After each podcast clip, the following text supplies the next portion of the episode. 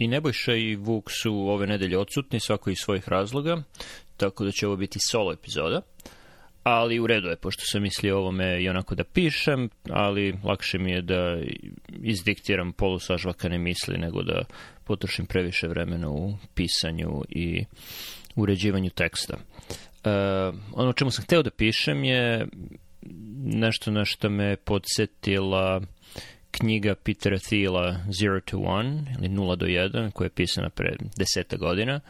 Peter Thiel je investitor u startup kompanije, on je jedan, bio jedan osnivača Paypala, da bi je puno para prodajom Paypala, eBayu i, i sada radi kao venture kapitalista, investira u firme, između ostalog bi jedan od prvih investitora u Facebook. Uh, poznat još po par stvari, nema, dugo je priča o Peteru Thielu, ali pre desete godine napisao tu knjigu Zero to One o, o startup svetu. Uh, u toj knjizi će vjerojatno još pričati bar sa Nebojšom, ako ne sa Nebojšom i Vukom. Ali, ta knjiga me podsjetila na tri razgovora koje sam imao, sva tri sa različitim osobama, ali su bile sa uh, tako rođene uh, E, sredinom 50. godina prošlog veka, da su rođeni u Americi, zvali bi se boomeri, ali pošto su u pitanju uh, ljudi iz Srbije, mislim da, da ne važi ista paralela. Srbija nema boomere u tom smislu, i bar nisu imali iste životne trajektorije kao uh, vršnjaci iz Amerike. Uh, I uglavnom, prvi razgovor koji sam imao bio je pre, mislim da su bile olimpijske igre u Londonu, kada je to bilo 2012. valjda.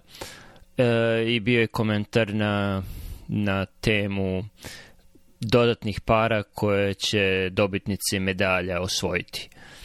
To je bilo 2012. Pre, mislim da, da je neko drugi bio na vlasti u Srbiji, ali se ista priča ponavila 2016. i ove godine na olimpijskim igrama i oni su o tome pričali pohvalno. Kao je super, država daje novac ljudima koji su osvojili medalju, što je meni bilo jako čudno. Uh, bilo mi je čudno uh, iz razloga o kome je već pisao Slaviša Tasić na svom Substacku, koji će staviti link u, u show notesima.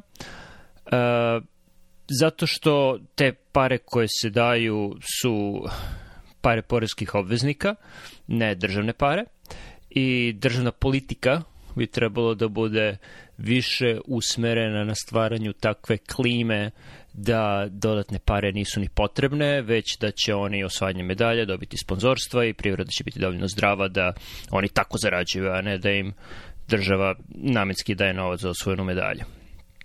A druga stvar je što bi država trebalo da e, promoviše sport kao svakodnevnu aktivnost, a ne nešto što je rezervisano za elitu koja osvaja, medalje. E, ne, ne znam zašto bi to bilo, zašto samo vrhunski sportisti moraju da budu plaćeni za, za e, od strane države, zašto država ulaže u vrhunski sportista, a ne u, u amaterski sport. E, tako da bi taj novac možda bolje bilo davati na pravljanje terena, igrališta koje bi svako mogo da koristi, a oni koji su jako dobri u tim stvarima koji rade, pa valjda će ih privreda, ako je zdrava, sponzorisati. Uglavnom, Slaviš Tasić o tome mnogo bolje pisao, pročitajte to. Drugi razgovor koji sam imao bio je o... uh, u nekim novinama koje smo čitali bila je velika reklama za Rolex i ta osoba koja je videla reklamu za Rolex uh, rekla je da treba neko dobro da razmisli da, da vidi kakva je plata i samo ako plata može da uh, i ako samo, samo ako sa tom svojom platom i dalje može da priušti Rolex, samo bi tada trebalo da ga kupi. I ne znam, možda nekome to zvuči logično. Pa da, naravno, nemoj da, da kupuješ stvar bez da dobro razmisliš da li možeš da je priuštiš. A, problem koji ja imam sa tim je što sat nije vrsta stvari koje bi trebalo dobro da se razmisli pre kupovine sat nije neka velika investicija, ne znam, Rolex i drugi proizvođači satova možda žele da se ubede u suprotno, da da e, da oni jesu investicije jer će im rasti vrednost sa godinama. Mislim da su satovi potrošačko dobro i kao svako potrošačko dobro vrednost u najboljem slučaju ostane ista kada je, se podesi inflacija. E, tako da ne. treba uzeti sat koji možete uzeti bez da previše razmišljate o tome koliko košta i da ne zalazite toliko u, u budžet, ali nije to ono što mi je zasmetalo. Ono što mi je zasmetalo je što je meni bar sasvim očigledno da ljudi koji kupuju Rolexe, da, možda primaju platu, ali im plata sigurno nije glavni izvor prihoda, uh, već je glavni izvor prihoda investicija. Da, sada postoji klasa o kome je pisao Branko Milanović, koji je pisao Branko Milanović, koji je istovremeno i prima visoku platu i dobija puno para od investicija, ali ta visoka, visoka klasa, 1%, uh, naročito u Americi, ne, ne, zavisi od svojih, ne, ne zavisi od plate. Uh, dosta njih i nema platu imaju pare od investicija. Dakle, sam taj način razmišljanja, aha, znači ja sad imam neku platu koju zarađujem ovako ili onako, ali ona dolazi od negde i ja sad treba da razmišljam kako tu platu da trošim, to bio, bio mi je jako zanimljiv taj način razmišljanja od strane te generacije. Čak i kada su u pitanju kupovine Rolexa od po 50.000 dolara. I treća stvar, opet iste generacije, je reminiscencija o lepom životu za vreme komunizma. E, I to je ono, to je ono što sam naročito povezao za knjigu Petera Thiela. Da, ako se sećate one knjige s početka, vratit ću se na to. Uskoro obećavam. Um, ne znam, uvek kada pričam s tekim iz te generacije, uh, pri, reminisciraju o uspomenama kako su oni lepo putovali, uh, kako su, ne znam, farmerke za trst ili putovi, putovao sam u Trsta, evo nisam čak ni farmerke kupio. To je priča koju sam češće čuo, čuo od one gde neko prizna da je išao u Trst specijalno da bi kupio farmerke da bi ih preprodavao. Takvih izgleda nije bilo. Postoje samo ljudi koji su znali o tim ljudima, ali sa tim ljudima koji su to radili nisam pričao. Uh, i, i, I super je što su se lepo proveli, ali mene uvek natera da pitam pa dobro zašto se niste postarali i zašto niste radili na tome da da se to održi i sada, zašto je uh, moja generacija i generacija malo pre malo posle mene, zašto su njihove, zašto su njihova detinstva i adolescencija uništeni vašim nečinjenem. I ono što sam shvatio je da je to generalno pasivna generacija koja je tada 70-ih uživala pasivno u blagodetima koji im je sistem tada pružao, a onda prvo 80-ih polako, onda 90-ih naglo su trpeli posledice propadanja tog sistema, ali čini mi se da nisu aktivno radili ni na koji način da se taj sistem održi, promeni, bilo šta, samo su sedeli na rukama i govorili šta nam rade i za sve to bio, za sve to bio odgovoran neko drugi. I ono što su meni pričali, da naglasim, ovde se ne radi o mojim roditeljima. Ali ono što su meni roditelji pričali je kao pare ne rastu na drvetu. I da, naravno, ali mislim da duboko u sebi ta generacija misli da pare rastu na drvetu, ali samo što to drvo nije u njihovom dvorištu, već u dvorištu Narodne skupštine predsjedničke palate Belog dvora, kojem god, nekom drugom dvorištu i da neko drugi pere, bere pare sa drveta i njima deli. E sad, Zero to One, Peter Thiel.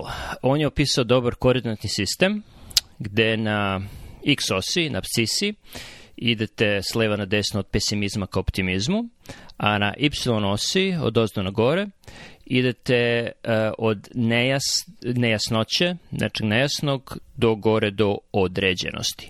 Tako da imate četiri kvadranta, uh, nejasni određeni pesimizam i nejasni određeni optimizam i on je dao primer američkih boomera koji su nejasni optimisti.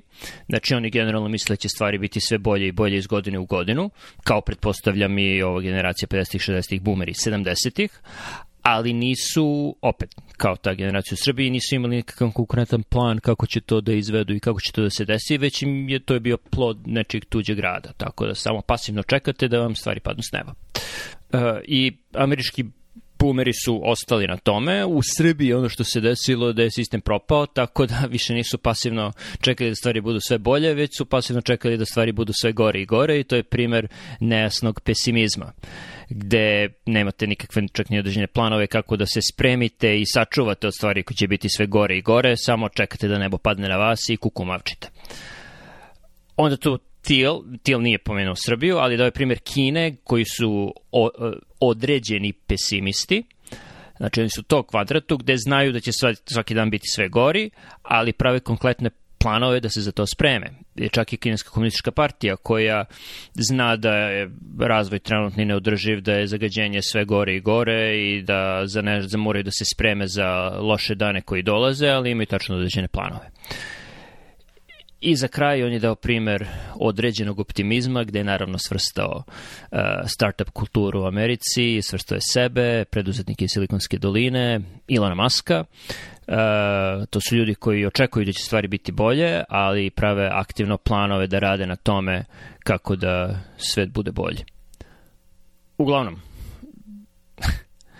uh, ne znam koliko to ima veze sa generacijom, mislim da ima. Mislim da je ta generacija ljudi rođena nakon drugog svetskog rata e, ima, neposredno nakon drugog svetskog rata je iskusila e, dno civilizacije i iskusila je uspon prvo nagli, a onda postepeni, kada se Evropa i kada su se Evropa i Amerika izlačili iz tog, iz tog blata u koje su upali u prvoj polovini 20. veka u tom izvlačenju su učestvovali oni, učestvovali su, učestvovali su mlađe generacije, odnosno starije generacije, generacije rođene pre njih.